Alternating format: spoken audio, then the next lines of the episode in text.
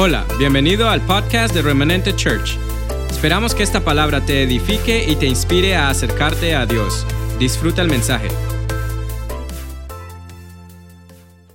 Hace dos semanas tuvimos nuestro congreso en, en Colombia, Influencia Generacional. Y el Señor ha puesto en mi corazón traer un pequeño recogido de lo que fue la palabra que el Señor me permitió ministrar ahí. Un tiempo de mucha, mucha bendición.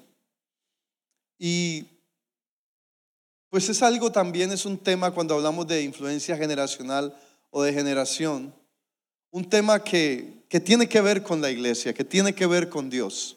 Porque Dios, alguien me preguntaba, ¿y por qué influencia generacional? ¿Por qué el nombre del Congreso? Porque pues es un nombre que Dios me dio. Porque Dios es un Dios generacional.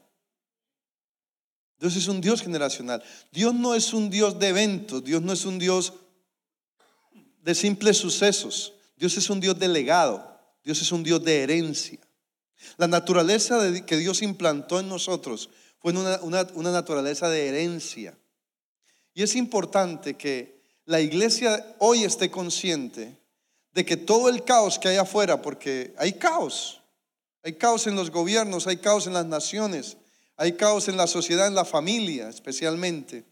Vemos esta semana, la semana pasada, cada semana hay un tema. La semana pasada oramos aquí por Bolivia y vimos una respuesta. A la hora estábamos viendo una respuesta. Porque obviamente había mucho pueblo de Dios en el mundo orando por Bolivia. Créame, cuando el pueblo de Dios se decide y se une a orar por algo, oh, van a caer imperios. Va a caer lo que tenga que caer. ¿Ya? Va a caer aquello que Dios no quiere que esté ahí. Lo que Dios necesita es hombres y mujeres que estemos decididos a dar ese paso de fe. Y esta semana el tema fue otro. No me voy a meter en eso, pero siempre hay un tema de lo que muestra el caos y lo que está pasando afuera. Pero es inevitable a veces que esto esté sucediendo. Pero lo que sí podemos evitar es que esas crisis y ese caos eh, invada nuestras vidas, invada la familia. El viernes pasado tuvimos una reunión, la cual yo les pedí mucho a los padres que estuvieran, y no hubo la respuesta que, que realmente esperábamos, pero igual fue un tiempo especial, un tiempo lindo, un tiempo de bendición, de donde quiero que sepa la iglesia, cada mes durante el próximo año, a partir de enero, se hará una reunión que le vamos a llamar algo así como escuela de padres, donde estaremos hablando de las cosas que tenemos que como familia ir enfrentando, ir apoyando y respaldando. ¿Por qué? Porque la iglesia, escúcheme, el pueblo de Dios es el que está llamado a conservar la generación actual. ¿Por qué? Porque durante la historia bíblica sucedieron cosas que afectaron las generaciones. Usted lo puede ver en la palabra. Y hoy por hoy eh, nosotros podemos traer una influencia que salve, que cubra esta generación, o, traemos, o podemos traer también una influencia que permita que, que esta generación se pierda. Y yo veo que los gobiernos, la ciencia, eh, las naciones, las organizaciones de todo tipo hacen previsión, o sea, se anticipan a, las, al, caos, se anticipan a las crisis eh, ya sea eh, la ciencia trayendo medicinas de prevención, medicina preventiva, los gobiernos, eh, el calentamiento global, están haciendo prevención para ello. Pero ¿qué está haciendo, la, está haciendo la iglesia para que la generación que se está levantando no se pierda? Necesitamos crear prevención. Amén. Entonces necesitamos enfocarnos más en lo que está sucediendo con esta generación, o sea, nuestros hijos. Y yo quiero traerte un pasaje que está en jueces 2, versículo 8, quiero que abra su Biblia, en jueces, que, que nos hace meditar y pensar que esto sucedió hace cuatro mil años, pero tiene mucho que ver con lo que está pasando hoy y que nos puede volver a suceder. Y pasó en tiempos donde no se esperaba inclusive que sucediera. Ahora le explico. Dice jueces, perdón, jueces. Dije jueces, ¿verdad? Jueces capítulo 2, versículo 8 dice, pero murió Josué, hijo de Nun. Todos saben quién era Josué, un gran líder, fue llamado el conquistador. Murió Josué, hijo de Nun, siervo de Jehová, siendo de 110 años. Y lo sepultaron en su heredad en Timnat Será, en el monte de Efraín, al norte del monte de Gaz. Toda aquella generación también fue reunida, escúchame esto, y toda aquella generación también fue reunida a sus padres. Y se levantó después de ellos otra generación que no, escúcheme esto, se levantó después de Josué, inmediatamente después que murió, esa generación que él dejó, dice, y se levantó otra generación que no conocía a Dios ni la obra que había hecho Israel. Esto es caótico. ¿Por qué? Porque Josué, el hombre que Dios había usado para sacar al pueblo de Israel de, del desierto, con él cruzaron el mar, el, río Jordán, entraron y derribaron las murallas de Jericó. Derribaron y, acabaron con el enemigo, con el amorreo, con el eteo, con el euseo, con todos los feos estos que habían en esa época. Ese hombre, ese conquistador, no dejó un legado y a causa de eso, siendo quien era Josué, o sea, Josué era tremendo hombre, pero cometió un gran error. No dejó un legado, no dejó una herencia y no se preocupó por la generación que estaba dejando. ¿Y qué dice la palabra? Que esa generación que se perdió. Fue una generación perdida. Inclusive, no conocían de Dios ni siquiera de las obras que Dios había hecho a través del mismo Josué. Esto es preocupante. Y puede suceder en este tiempo.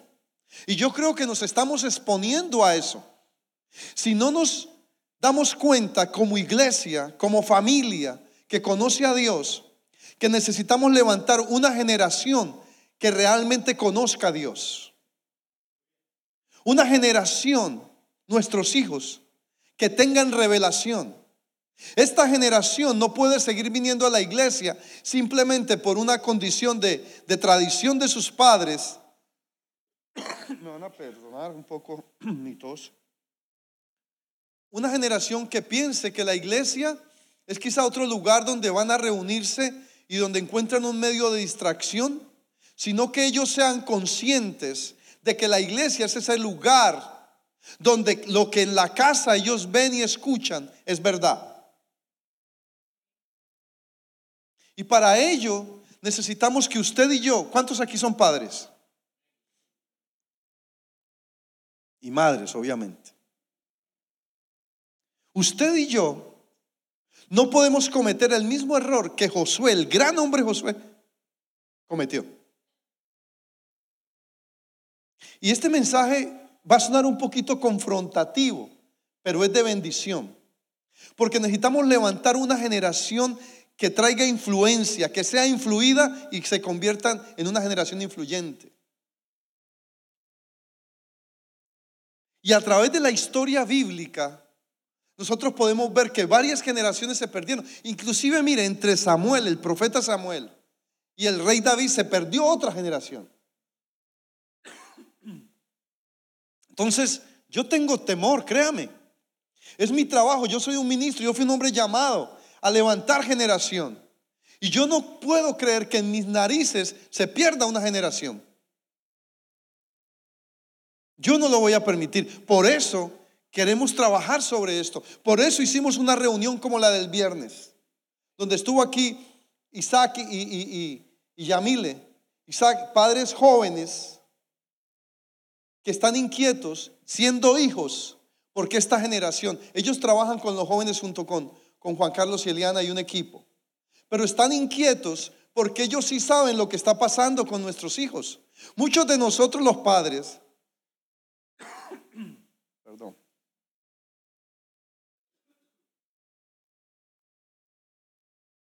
no, no somos a veces conscientes de las batallas que nuestros hijos libran. ¿Por qué? Porque quiero decirle algo, a pesar de que aquí hay algunos jóvenes, de que nuestros hijos son muy inteligentes.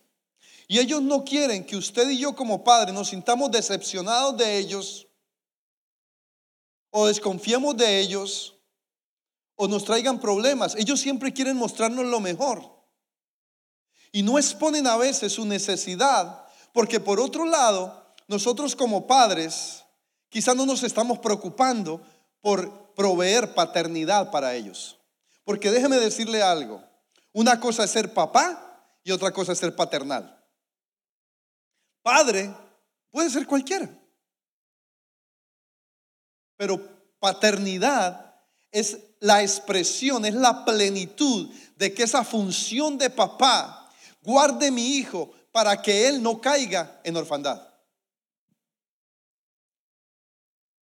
Entonces, y esto habla para los papás y las mamás, obviamente. Entonces necesitamos guardar esta generación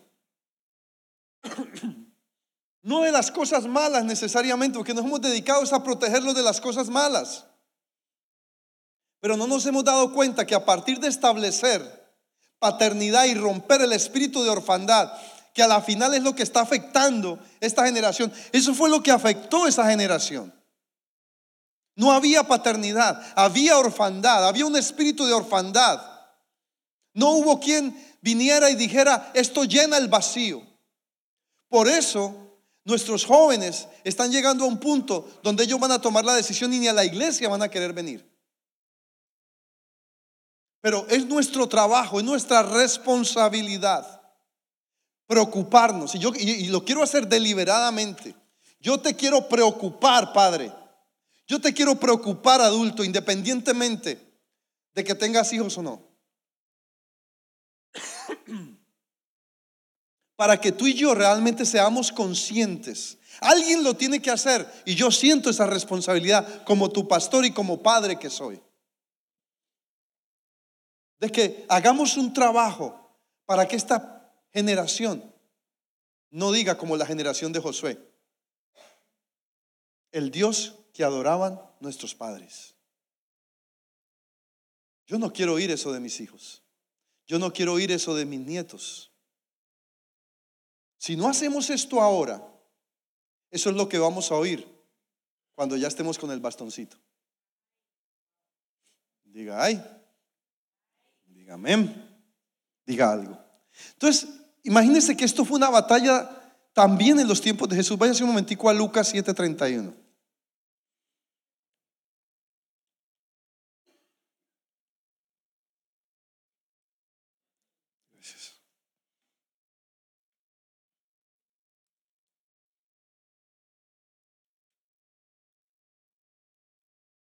Lucas 7:31. Dice, y dijo el Señor, ¿a qué pues compararé los hombres de esta generación y a quién son semejantes? O sea, esta pregunta de Jesús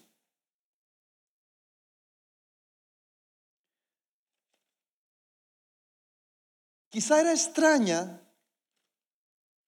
pero también muestra una evidencia de qué? De lo que él estaba observando.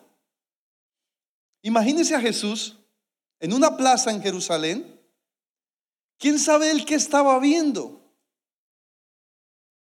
Para que él dijera, ven acá, esta generación no es lo que estamos expectando. ¿A qué se, parece? O sea, ¿a qué, qué estaría viendo Jesús para hacerse una pregunta que a nosotros también no la hemos hecho. ¿Cuántas veces nos hemos dicho? No es que los tiempos hoy por hoy no son iguales. No es como en los tiempos nuestros. En los tiempos nuestros las cosas eran diferentes. ¿Ha dicho usted eso? ¿Sí? ¿Sí lo ha dicho? ¿Cierto que lo ha dicho?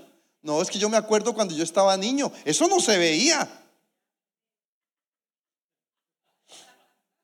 A los papás no se les contestaba así. Cristian mismo a veces dice, yo contestaba así y una chancleta me, me alcanzaba.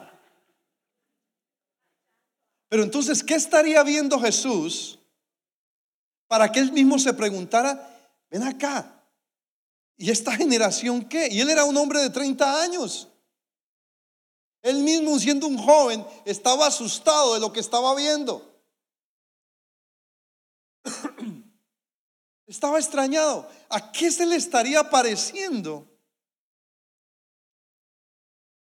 esa generación para que él se hiciera esa pregunta? Y es una pregunta que hoy por hoy también no la podemos hacer. Preguntémonos, ¿a qué se nos está pareciendo esta generación? ¿A qué está siendo semejante? Y déjeme decirle el contexto de esto. Jesús estaba viendo a los religiosos, a los fariseos, lo que estaban mostrando. ¿Por qué? Porque nosotros cuando hablamos de una nueva generación, de una generación de influencia, tenemos que pensar en una generación de revelación, no en una generación de religión. Lo que yo le estoy planteando a usted esta mañana es que levantemos una generación que ame a Dios y tenga temor de Dios. Una generación que entienda que es lo profético y que es revelación, porque será la revelación de Dios lo que transforme a esta generación. Y no se trata de una fórmula o de una clave o de una estrategia. Es más que eso. Es que nosotros los padres, los adultos, entendamos que no somos los jerarcas de la casa. Porque un jerarca está para que le sirvan, pero un padre está para servir. Denle ese aplauso al Señor. Entonces venimos de una cultura donde hemos patrocinado la orfandad, porque en vez de hijos, escúcheme, esto, esto es fuerte, estoy bien fuerte esta mañana.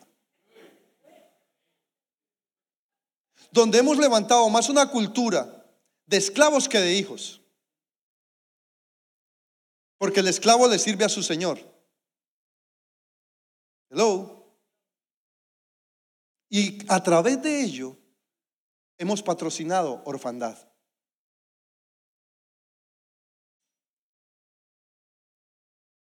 La generación de hoy necesita ver paternidad. Pablo vio también esta crisis. Primera de Corintios capítulo 4 versículo 15. Hay muchos tutores, hay muchos ayos, hay quien patrocine, hay quizá quien enseñe, pero hay pocos padres. No había paternidad. Y, lo que está afectando, créame, esta sociedad, esta generación, es la orfandad. Y no que no haya papá, hay papás en las casas, pero no hay paternidad. Porque la paternidad la hemos querido expresar a través solo de la provisión. Un padre nos decía el viernes, y fue lindo como abrió su corazón y decía, mi hija nos dijo que ella no estaba preocupada porque le dieran más cosas o le compraran más cosas o le dieran cosas materiales, sino porque le dieran qué? Familia. Eso es lo que nuestros hijos están necesitando. Porque el éxito, escúcheme, que nosotros llamamos éxito está equivocado muchas veces, porque creemos que el éxito está en esta nación está en cuanto alcanzo y en cuanto consigo. No perdamos la visión de que el éxito parte de familia.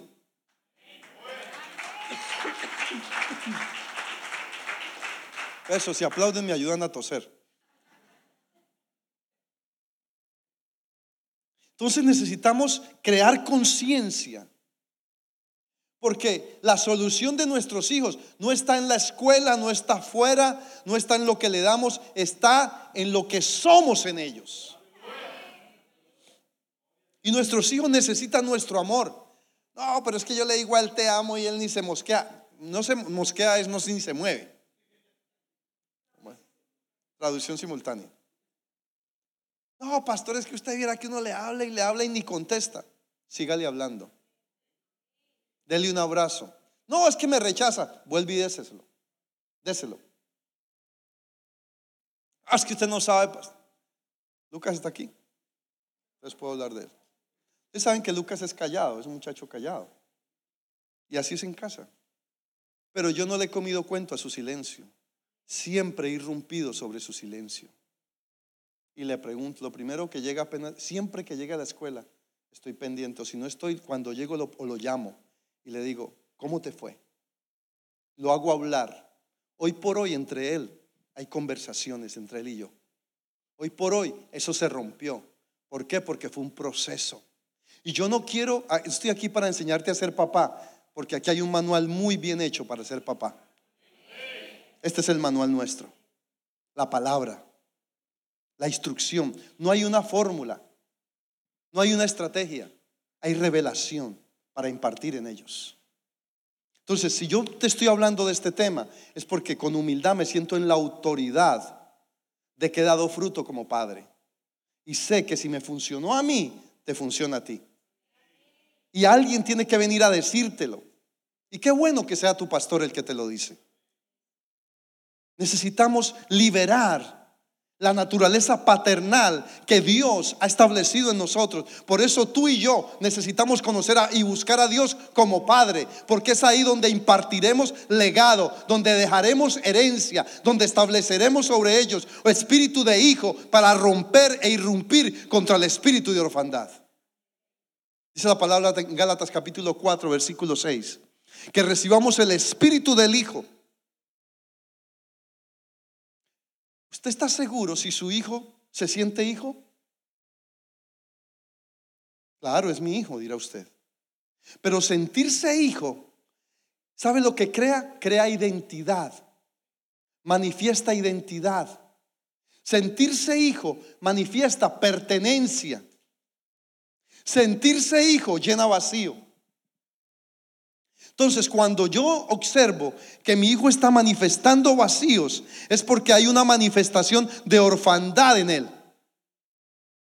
Y ahí es cuando tú y yo estamos llamados a buscar y liberar esa paternidad que va a establecer sobre él el espíritu del hijo, para que él reconozca que sí hay papá, que sí hay paternidad. Y entonces, cuando lo, entendemos de esta forma, Vamos a poder qué? Llenar su vacío, romper la orfandad. Voy a poner algo como ejemplo que, que me impactó mucho el viernes y lo voy a hacer porque fue público y lo voy a hacer con respeto. Tiene que ver con, con Isaac y, y Pastor Dillauma. Pastor Dillauma, no se me vaya.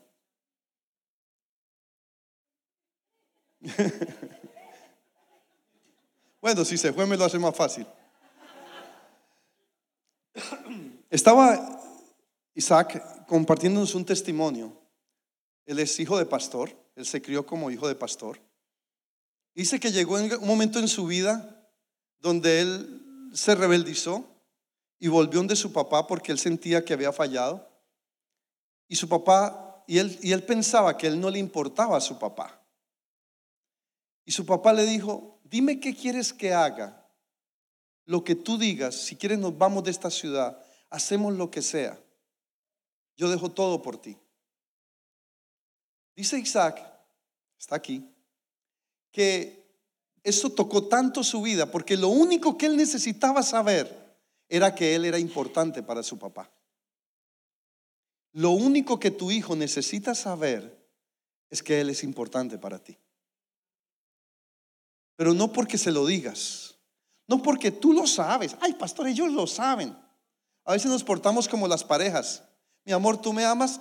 Ay, tú sabes que sí. No, hay que ejercitarlo. Porque la palabra libera vida. Nuestros hijos necesitan oír, no saber, oír. Porque la fe, la seguridad viene por el oír. Yo te amo. Tú eres importante para mí. Tú cuentas conmigo. Hello. Y no tiene que ver con lo bien o mal que se estén portando. Porque no es un tema de recompensa. Necesitamos romper la cultura compensativa. La cultura, si te portas bien, yo te doy amor. Si te portas mal, no te lo mereces. Eso fue lo que hizo Dios con nosotros. Estaba compartiendo esta mañana de, tuve un maestro sudafricano, Juan Chisby, que me enseñó algo que me impactó mucho a través de algo simple. Dice que él era misionero en un país en África y su hijo quería una bicicleta y él ahorró y ahorró, era misionero, así que había escasez. No, no, ¿qué quiere decir con eso? Por aquí está nuestra misionera, ¿qué me hizo la misionera? ¿Dónde está? Ok. Y dice que él ahorró para comprarle esa bicicleta a su hijo. Pero una semana antes, para su cumpleaños, quería una bicicleta. Pero una semana antes de su cumpleaños, él ya había comprado la bicicleta y recibió las calificaciones de su hijo. Y, de repente se dio cuenta que las calificaciones estaban mal y dijo, no, no, no, no, no, no. Yo no le voy a dar ninguna bicicleta, no se lo merece. Y dice que en ese momento, él orando, Dios le dijo, ¿y tú te merecías a mi hijo? Hello.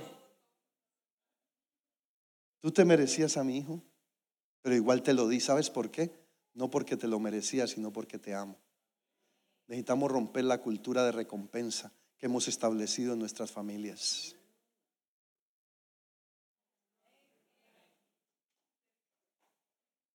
Amén. Porque necesitamos recuperar y alcanzar esta generación. Necesitamos conservarla.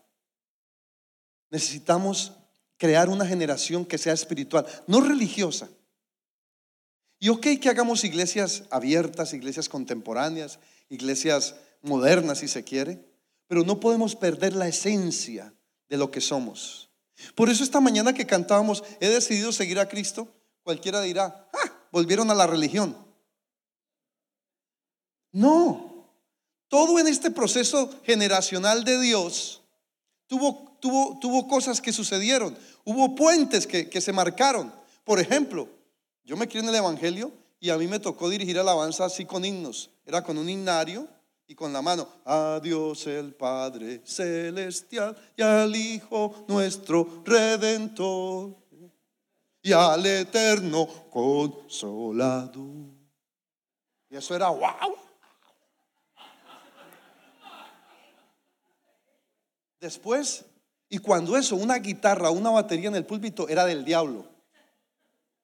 Eso era satánico. Pero después vinieron los coros, o sea, subieron la guitarra. Uso ya fue un avance. Guitarra en el púlpito. Cristo rompe las cadenas. Cristo rompe. ¡Epa, epa! La pandereta. Y eso fue lindo en esa época. Fue necesario.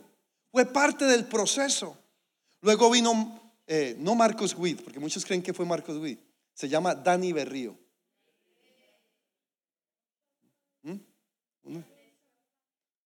Dios de poderoso, Él es Jehová, Dios de la creación. ¿Eh? Y luego vino Marcos Witt. Sobrenatural. Soy un radical. Y así sucesivamente hasta hoy. Porque fueron procesos de, ese, de ese Dios generacional. Pero cada época no tenemos que volver allá para sentirnos espiritual, que es una de las cosas que pensamos. Tenemos que volver a los coritos para volvernos espirituales. No, fue un proceso y fue necesario e importante. Ya Marcos ya, el hombre ya. Amén por lo que Dios lo usó. Hombre de bendición. Y sucesivamente. Lo mismo ha pasado. Pero hoy Estamos en una generación donde tenemos que romper los prejuicios de los adultos para poder entender el momento de esta generación. No se trata acerca de nosotros, se trata acerca de ellos. Entonces no podemos vivir prejuzgando la manera como ellos lo hacen.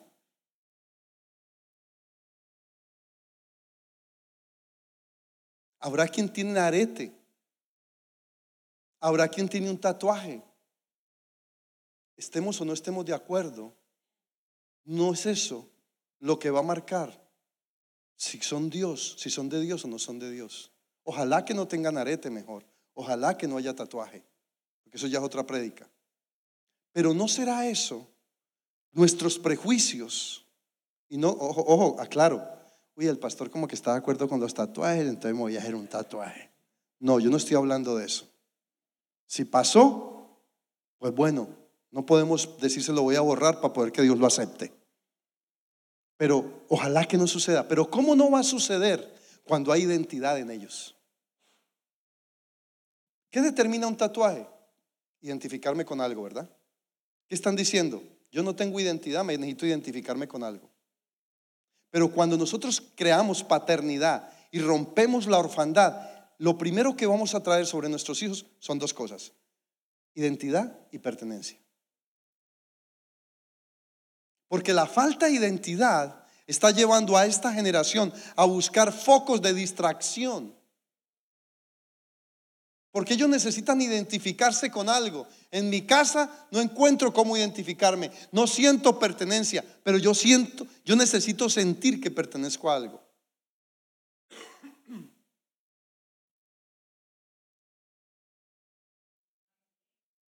¿A qué se parece esta generación? ¿A qué es semejante? No podemos permitir que esta sea una generación perdida. Necesitamos levantar una generación con revelación, no con religión. Cuando estoy hablando de revelación, se pensarán, ay, tengo que orar conmigo. Tenga rodillas y aquí, mío. Ya, ayuno. Ya. La cabeza, amigo, agache la cabeza. Ah, cierre los ojos. No, cuando te hablo de revelación, es que tu hijo vea que tú eres real y vives lo que le demandas. Cuando tu hijo te ve vivir lo que tú hablas, esa es la mejor revelación para él. Porque quizá hay momentos que ni te quiera escuchar leer la Biblia, pero él va a ver un papá y una mamá que viven lo que predican. Eso es influencia.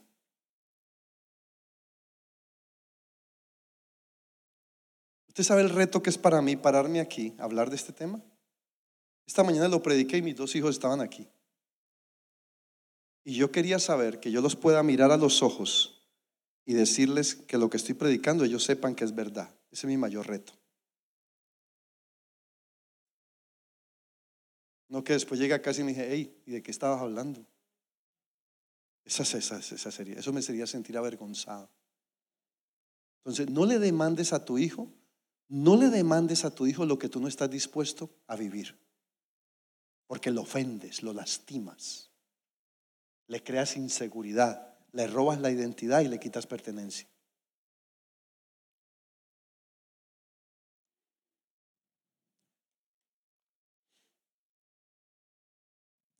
Déjeme decirle algo. La identidad en nuestros hijos no está determinada por la iglesia. Porque quien fracasa no es la iglesia, quien fracasa es la familia. Entonces nosotros necesitamos ser más conscientes de la necesidad de esta generación.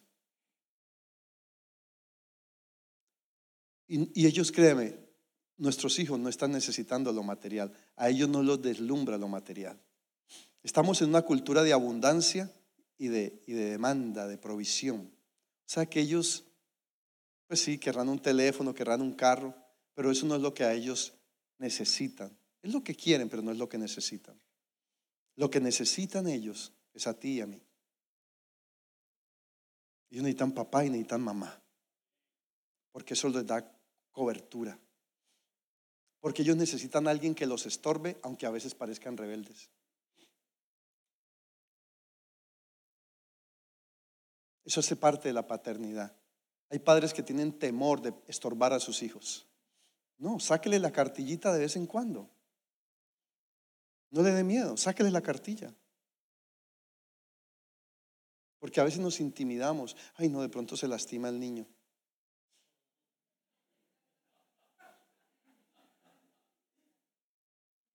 Lastimar cuando nos daban rejo.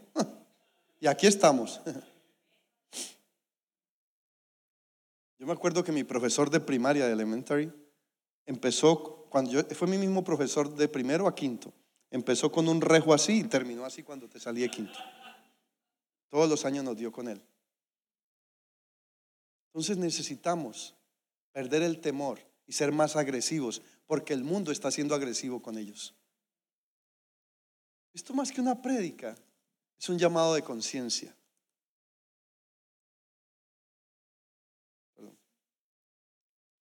Es un llamado de conciencia en Dios para que haya paternidad. Porque si no hay paternidad habrá orfandad. Y si hay orfandad habrá vacío y habrá una generación que se pierda. Y tú, yo sé que tú no quieres eso. La iglesia no puede darse ese lujo de perder esta generación. La familia no puede darse el lujo de, de, de perder esta generación. Y más que adoctrinarlos, porque a veces nos volvemos adoctrinadores y somos buenos adoctrinadores, es tener una interacción con ellos que traiga seguridad, que traiga pertenencia. Tómate el trabajo. No llegues a la casa solo a coger el... Isaac dijo algo que, que un niño que encontró orando, creo que fue, y que la oración de ese niño era, o de una niña, Señor, conviérteme en un televisor para que mi papá me mire. Conviérteme en un teléfono celular para que me, para que me hable. Porque a veces estamos tan metidos en nuestra necesidad de adultos que nos olvidamos de nuestra responsabilidad de padres. Nosotros tenemos cómo rescatar esta generación. Tenemos las herramientas. Dejemos la farándula y preocupémonos más por esta generación. Porque será la generación que va a conservar el legado, que va a conservar la herencia.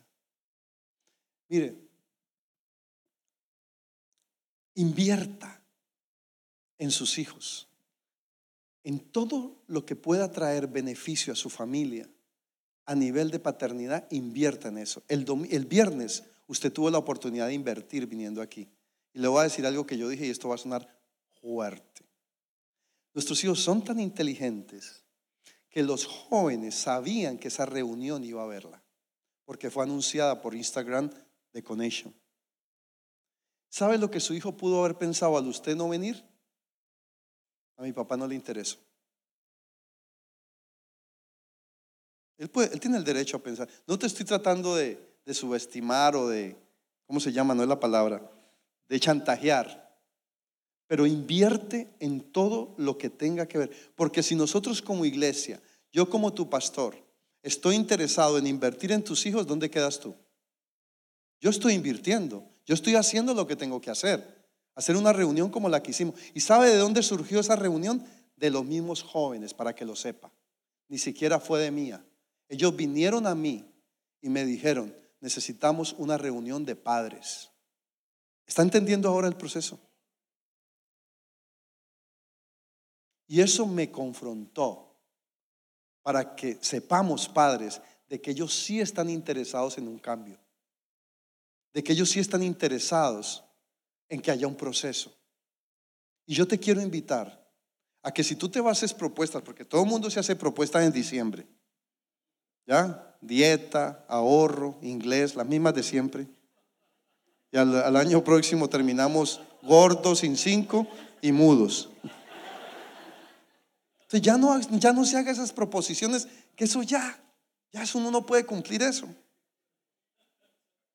Pero propóngase venir cada mes a esa reunión de padres que vamos a hacer. Propóngaselo y usted va a ver el resultado.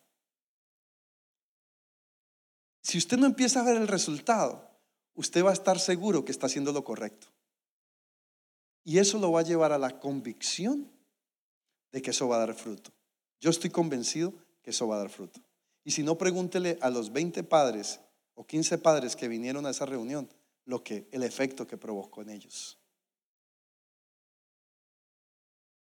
¿Por qué? Porque usted y yo somos los llamados a responder ¿Sabe a quién Dios le va a pedir cuenta de la generación de Josué?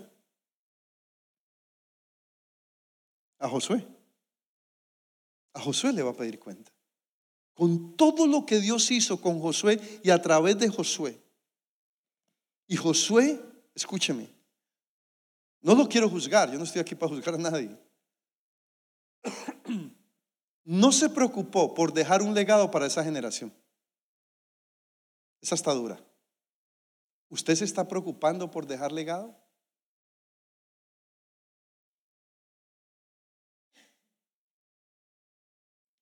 Si usted es miembro de una familia, llámese tío, hermano, cuñado, primo, papá, abuelo, suegro, suegra, abuela, este mensaje es para usted. Ay, no, pastor, yo no tengo hijos. Estamos hablando de generación, no solamente de hijos. De levantar una generación que no se pierda y que conozca las obras del Señor. Ahora,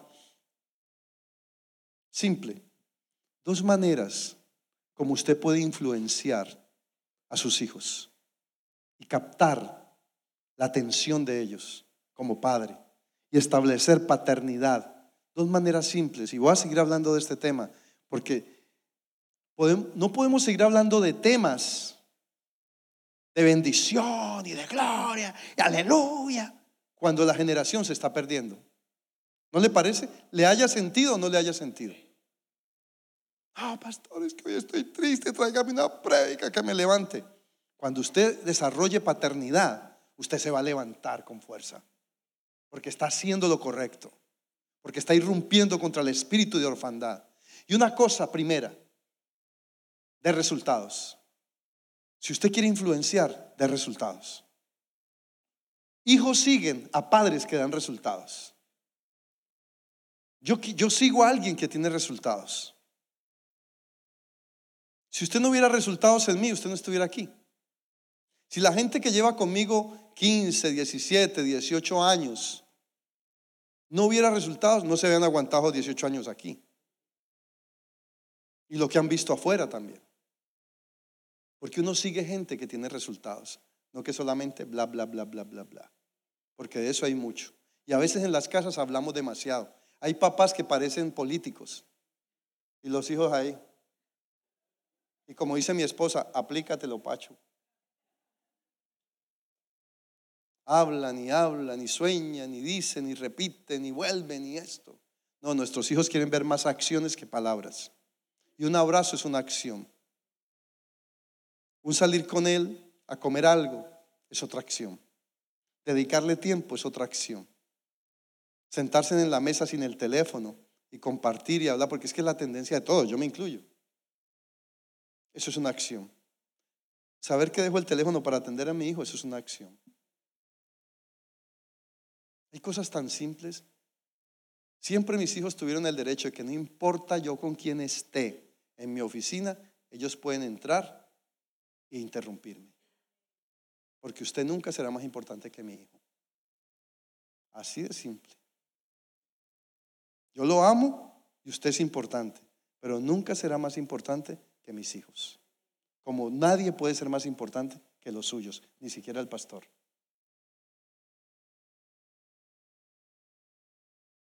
Esas son acciones, da resultados. Nuestros hijos necesitan ver resultados. ¿Para qué? Para que haya influencia generacional en ellos. Lo otro es dar valor. ¿Le estamos dando valor a nuestros hijos o estamos juzgándolos con puros prejuicios? Es que mire usted esto, mire aquello, mire acá, mire allá. Ámelos aunque fallen. Ámelos aunque no, aunque no estén haciendo lo que usted expecta. Ámelos porque el amor los rescata, porque el amor cubre multitud de faltas. Usted no sabe la capacidad que tiene el amor cuando se trata de cubrir faltas. ¿Qué hizo Pastor Dillauma? Le dijo a su hijo, si tú quieres que nos vamos de esta ciudad, nos vamos. ¿Predominó qué? El amor. Y estaba su ministerio, estaba la iglesia. Pero nuestros hijos necesitan ver más de ese tipo de cosas de nosotros que nosotros sacrificamos cosas por ellos, porque eso es darles valor. Nuestros hijos necesitan sentirse valorados por sus padres. Usted no sabe el efecto que tiene decirle a su, a su hijo, mira, esta semana, y yo lo digo, claro, todo padre es orgulloso, y lo que es bueno hay que decirlo.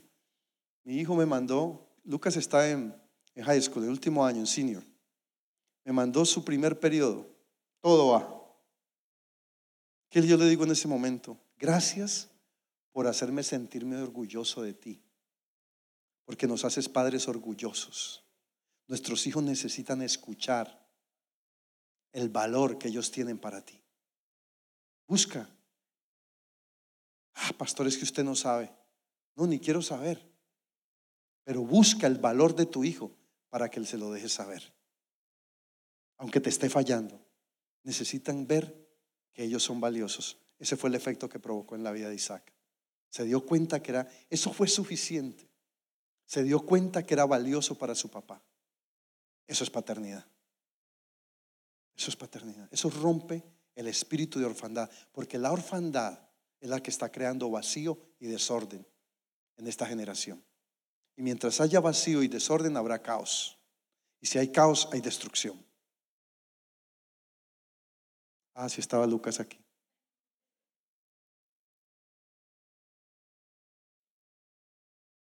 Usted y yo somos responsables por esta generación.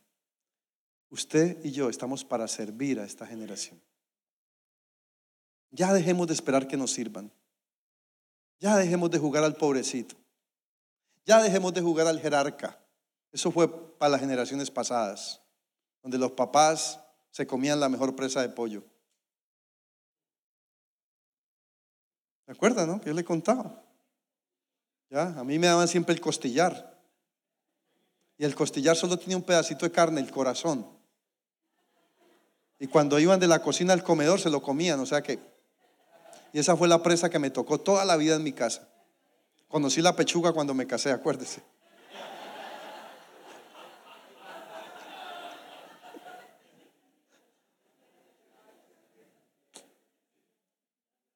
Y hoy por hoy entiendo que lo mejor es para mis hijos.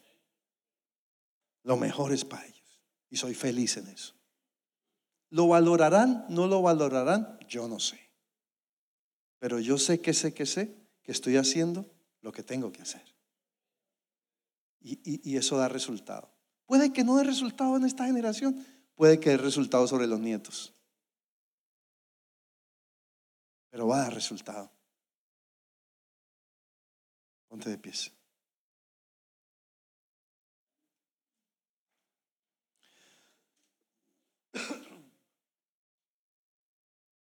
Y no pienses más que la generación pasada fue mejor que esta. Quítate ese pensamiento. Quítate el pensamiento de que los tiempos pasados fueron mejores. Esto es lo que hay. Y esto tiene que ser lo mejor. Entonces, voy a seguir hablando de este tema. ¿Por qué? Porque el mundo está haciendo de las suyas, el diablo está haciendo de las suyas. Y nosotros, bien, gracias. Tu hijo en la iglesia tiene un respaldo. Apoya lo que la iglesia hace por tu hijo. Porque él la, perdóneme que le diga, y voy a ser bien atrevido. A la final del día, fuera de casa, es la próxima alternativa que tú tienes. Es la próxima recurso que tú tienes. Si no es en casa, es la iglesia. Porque afuera, tú ves lo que está pasando allá afuera. Mira a quién le estás soltando a tus hijos. Vuelvas estorbador.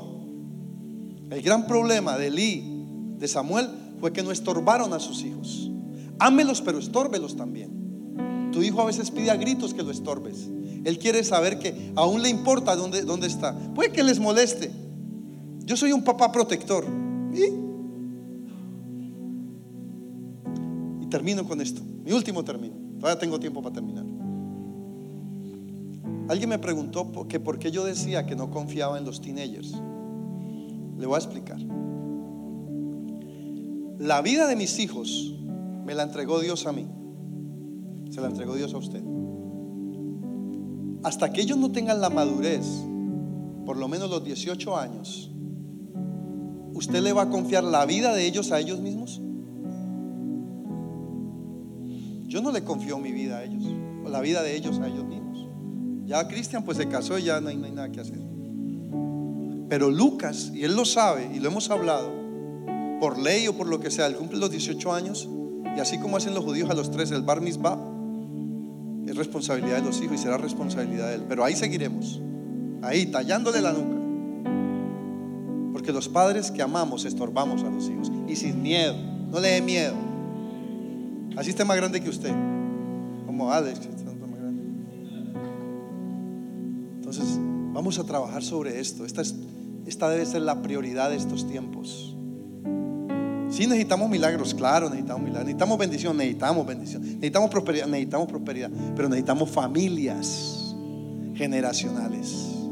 ¿Por qué? Y voy a hablar entre días de paternidad generacional.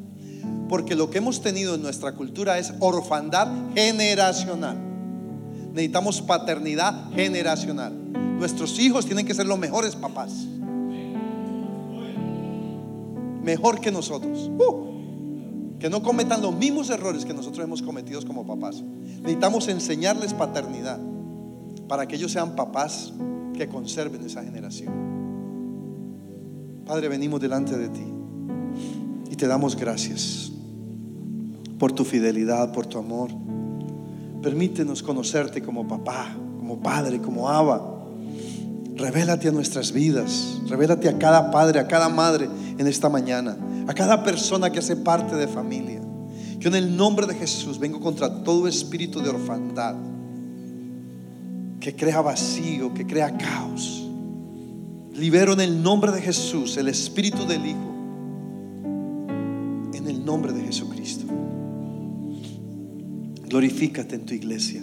Permite que levantemos una generación de influencia. Una generación que transforma. Una generación que da resultados, que da valor. Permítenos ser aquella clase de padres a quienes sus hijos siguen, Señor. Glorifícate en cada familia y guarda esta generación en el nombre de Jesucristo. Amén. Esperamos que este mensaje haya sido de bendición. No te olvides de suscribirte a nuestro podcast y seguirnos en Facebook e Instagram arroba remanente.